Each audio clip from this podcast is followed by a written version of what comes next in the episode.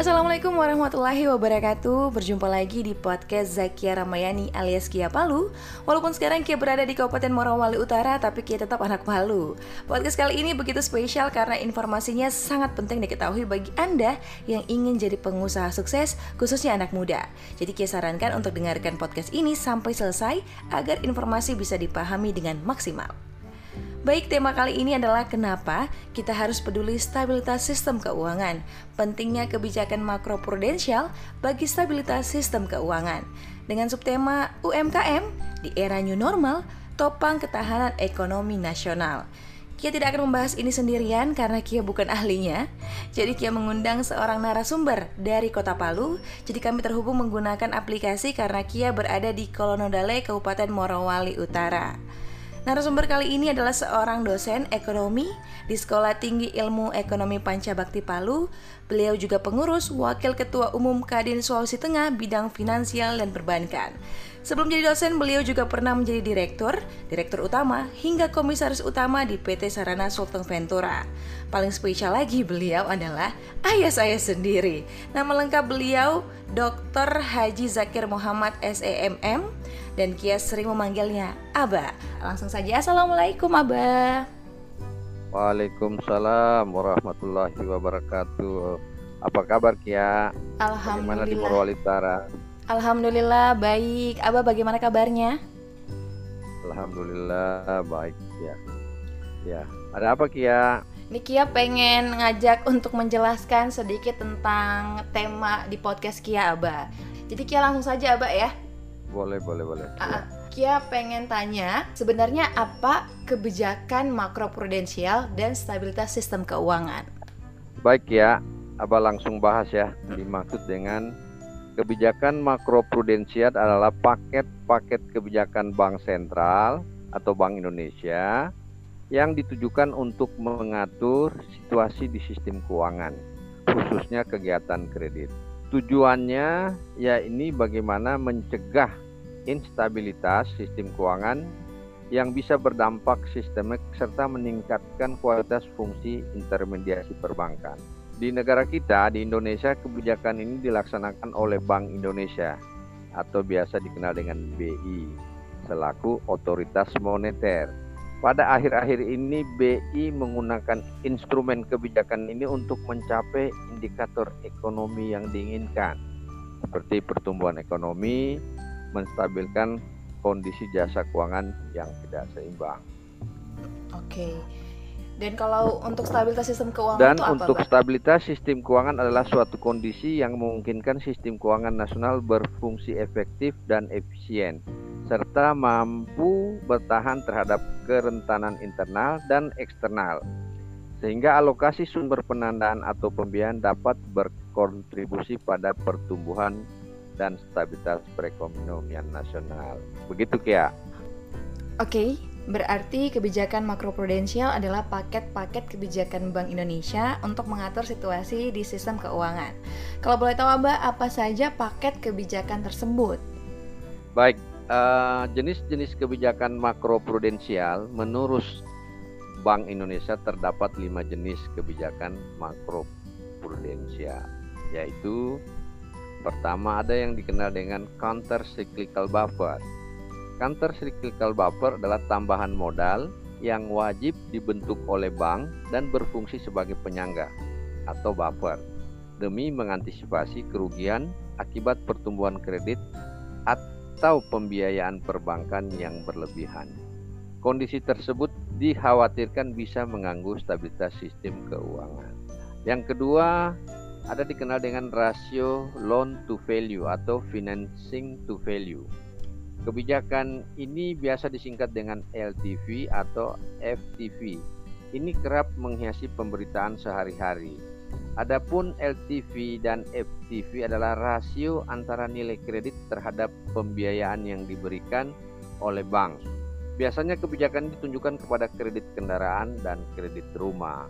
Sebuah kebijakan LTV dan FTV akan dikatakan longgar jika rasio keduanya mendekati 100%.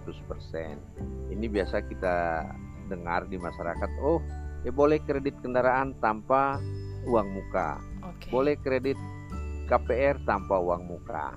Jadi gitu. Uh -uh. Jadi salah satu tujuan dari kebijakan makroprudensial LTV dan FD adalah demi menjaga stabilitas sistem keuangan dan memitigasi risiko sistemik yang berasal dari peningkatan harga properti. Yang ketiga ada namanya rasio intermediasi makroprudensial atau disingkat biasa RIM. RIM adalah instrumen makroprudensial yang ditujukan untuk menilai kemampuan kredit perbankan RIM sendiri merupakan perluasan dari rasio pinjaman terhadap pendanaan yang akrab disebut loan to funding ratio. Dalam kebijakan makroprudensial ini, BI menetapkan satu angka RIM sebagai acuan. Saat ini BI mewajibkan perbankan untuk memiliki RIM di angka 84% hingga 94%. Berikut kebijakan makroprudensial yang lain ada yang namanya penyangga likuiditas makroprudensial. Penyangga likuiditas makroprudensial (PLM) adalah cadangan likuiditas minimum dalam rupiah yang wajib dipelihara oleh bank dalam bentuk surat berharga berdenominasi rupiah yang dapat digunakan sebagai bagian dari operasi moneter. Kebijakan berikutnya adalah pinjaman likuiditas jangka pendek. Pinjaman likuiditas jangka pendek adalah pinjaman dari BI kepada bank yang sedang mengalami kesulitan likuiditas jangka pendek. Kesulitan likuiditas jangka pendek adalah keadaan di mana arus dana yang masuk ke bank terbilang lebih kecil ketimbang arus dana keluar dalam rupiah. Alhasil kondisi ini bisa membuat bank tidak dapat memenuhi kewajiban giro wajib minimum. Kebijakan makroprudensial diarahkan pada upaya pengendalian risiko-risiko utama yang berpotensi menimbulkan risiko sistemik dan menjaga keseimbangan sistem keuangan. Selain itu, kebijakan makroprudensial secara terukur ditempuh untuk memberikan ruang pemulihan pada sektor-sektor ekonomi yang risikonya relatif terkendali. Salah satu kebijakan makroprudensial yang ditempuh Bank Indonesia adalah memberikan fleksibilitas dan ruang yang lebih besar kepada perbankan dalam menyalurkan kredit termasuk kredit kepada UMKM dengan tetap memperhatikan prinsip kehati-hatian. Sekarang Kia ingin menanyakan mengenai unit usaha kecil menengah atau disingkat UMKM. Dari beberapa kebijakan makroprudensial sangat berhubungan erat dengan UMKM. Kalau melihat dari sisi UMKM di Sulawesi Tengah, bagaimana kondisi mereka, Mbak? Karena kita semua sangat tahu bahwa di tahun 2018, tepatnya 28 September, Kota Palu, Kabupaten Sigi, dan Kabupaten Donggala mengalami bencana alam gempa bumi, tsunami, dan likuifaksi. Itu amat sangat dahsyat dampaknya ke mereka, belum lama bangkit, kini UMKM harus menghadapi pandemi COVID-19 lagi. Bagaimana kondisi mereka dan kebijakan apa saja yang telah didapatkan oleh mereka dan apa yang harus mereka lakukan ya, Mbak? Jadi kalau mengenai kondisi UMKM di Sulteng pas gempa dan tsunami, gempa mm -hmm. tsunami dan pandemi saat ini ya, kita memang pada pasca gempa itu cukup prihatin di mana semua UMKM tentu merasa kehilangan baik potensi daya beli maupun yang dijual. Namun pemerintah juga tetap berupaya dengan berbagai cara terutama memberikan dana-dana bantuan sifatnya stimulan begitu juga dari bantuan-bantuan NGO dari luar negeri. Alhamdulillah ada geliat lagi. Jadi UMKM itu tetap tumbuh lagi. Nah, namun begitu mulai tumbuh, masuk lagi pandemi COVID-19. Nah, ini tidak selesai. Tapi UMKM tetap artinya bagaimana berusaha di tengah ketidakpastian. Kenapa demikian? Karena mereka ini adalah entrepreneur. Entrepreneur adalah uh, orang-orang yang tetap berusaha survive. Survive dalam artian bisa menghidupi dirinya, keluarganya, sehingga tetap bisa membiayai hidupnya. Jadi seperti itulah kira-kira. Jadi dalam kondisi COVID ini banyak upaya-upaya yang dilakukan oleh para UMKM kita. Apa yang dilakukan UMKM kita ya itu ada yang sekarang ini dengan kondisi pandemi melakukan strategi penggunaan platform digital atau kita kenal dengan medsos di penjualan dilakukan dengan media sosial. Apakah itu lewat WA, lewat Facebook, atau lewat uh, aplikasi-aplikasi lain. Nah, kita bisa lihat mereka juga menjual produk-produknya di di Bukalapak, Tokopedia, di Shopee dan sebagainya. Dalam keadaan new normal ada juga teman-teman atau pengusaha UMKM itu ya wait and see ya bertahan menunggu peluang atau berupaya untuk menunggu peningkatan demand baru. Baik, dari penjelasan Abah tadi, salah satunya UMKM harus menggunakan digital atau jualan online. Kia jadi teringat dua wanita muda asal kota Palu yang bisnisnya sukses bahkan memiliki omset miliaran rupiah per bulan di saat pandemi COVID-19. Yang pertama ada Chandra Dewi Maharani, 23 tahun, dengan bisnis skincare Kedas Beauty. Bahkan dia baru saja membeli mobil Ferrari dan Alphard. Selain itu juga ada Agusta, ini asal kota Palu juga, tapi sekarang ikut suami di Makassar. Beliau juga sukses dengan bisnis parfum Inspired de la Femme. Sekarang dia sudah membeli apartemen, bahkan hadiah bonus untuk resellernya ini mulai emas, iPhone terbaru, dan juga hadiah umroh. Nah, kedua wanita ini sebagai contoh sukses di saat pandemi karena jualan online. Bagaimana tanggapan Abah mengenai hasil ini? Ini ada pengusaha-pengusaha sukses ya. Iya. Ya, mereka berusaha ya seperti Abah jelaskan tadi bahwa entrepreneur atau wirausaha itu menggeluti usaha tidak sekedar ala kadarnya akan tetapi dengan kegigihan keberanian bagaimana usahanya bisa tumbuh walaupun di tengah kondisi ketidakpastian. Nah, mereka rata-rata menggeluti usaha-usaha yang real bukan spekulatif. Usaha UMKM sesungguhnya didasarkan motif untuk melayani dan memperoleh kemandirian. Ya, tentu mereka bekerja keras dengan inovasi serta ketulusan. Jadi bagaimana mereka menjaga nama baik, membangun reputasi, tetapi bagaimana juga mereka bisa mendapatkan pendapatan yang real.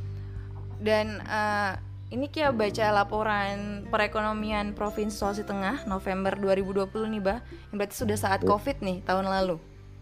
Ada yeah. yang menarik di situ yang saya sempat lihat bahwa uh, malah perekonomian uh, Provinsi Sulawesi Tengah itu tahun 2020 tumbuh positif 4,6 persen di antara beberapa provinsi lainnya yang mayoritas negatif. Dan di triwulan 1 2021 juga positif 6,6 persen. Padahal yang kita tahu kan kita baru saja diterjang tsunami, gempa dan likuifaksi. Ternyata kita bisa survive dibandingkan beberapa provinsi lain. Mungkin karena UMKM-nya kita juga bukan sektor full pariwisata kali ya. Atau mungkin Anda bisa ya. lebih jelaskan kenapa bisa terjadi seperti itu? Ya, memang kalau di Palu ini selain pariwisata kebanyakan Uh, kalau pertumbuhan Sulteng itu kan kita ditopang oleh dua ada dua kawasan besar salah satunya adalah Morowali kemudian juga ada Moro. Nah, uh, aktivitas mereka itu aktivitas mereka tetap melibatkan usaha-usaha kecil menengah yang ada di sekitarnya untuk suplai sama kebutuhan. Jadi uh, kebijakan daerah setempat juga memberikan peluang kepada UMKM itu untuk mematok kebutuhan kebutuhan.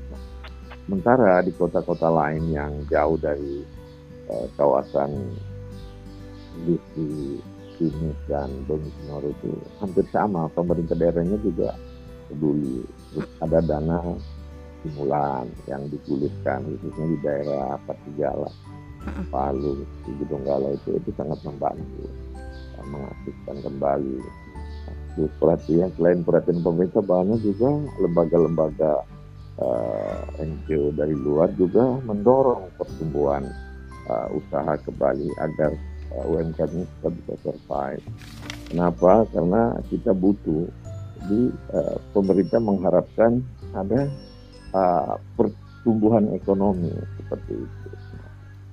Faktanya ya alhamdulillah kita bisa survive dibanding beberapa provinsi yang kira itu ya Iya, uh, jadi uh, dari laporan ini mungkin kayak informasikan buat teman-teman ya, teman-teman bisa juga akses laporan perekonomian Provinsi Sulawesi Tengah November 2020 kantor perwakilan Bank Indonesia Sulawesi Tengah. Jadi di situ kita uh, UMKM-nya, jadi usaha mikro kecil dan menengah di triwulan ketiga tahun 2020 kredit UMKM-nya itu mencapai 10,01 triliun rupiah yang ternyata meningkat dari triwulan 2 23,57 persen menjadi 32,66 persen. Padahal tahun 2020 adalah tahun kita menghadapi pandemi ini. Ternyata memang terbukti UMKM-nya pun mungkin ada karena kebijakan makroprudensial ini menjadi salah satu para UMKM bisa survive dan akhirnya berpengaruh ke tingkat perekonomian Sulawesi Tengah yang bisa meningkat dibandingkan profesi lain ya, Mbak ya? Ya, jadi uh, selain apa peran dari pemerintah, peran dari lembaga bank sentral kita yang selalu mendorong agar usaha-usaha khususnya usaha mikro kecil ini tetap tumbuh itu uh, akhirnya kita bisa lihat dengan angka yang tadi saya sebutkan ya triwulan 3 2020 triwulan yang seperti disampaikan tadi ada pertumbuhan. Nah, di samping itu memang ya masyarakat kita, masyarakat Sultan juga memang ya tetap uh, semangat. Uh, ya seperti tadi uh, Abah katakan bahwa uh, UMKM itu harus bisa survive untuk menghidupi dirinya dan keluarganya. Terakhir pertanyaan Kia, apa pesan Aba kepada para UMKM khususnya anak muda yang masih merintis dan berjuang di saat pandemi seperti ini? Baik, apa pesan yang bisa saya sampaikan kepada anak-anak muda yang menggeluti usaha mikro kecil menengah? Ya, itu tetap semangat, jangan putus asa. Berusaha itu adalah upaya yang dibangun dengan kerja keras, inovasi, ketulusan. Jadi kita tidak mencari jalan pintas atau cara cepat menjadi kaya, tapi membangun usaha secara bertahap.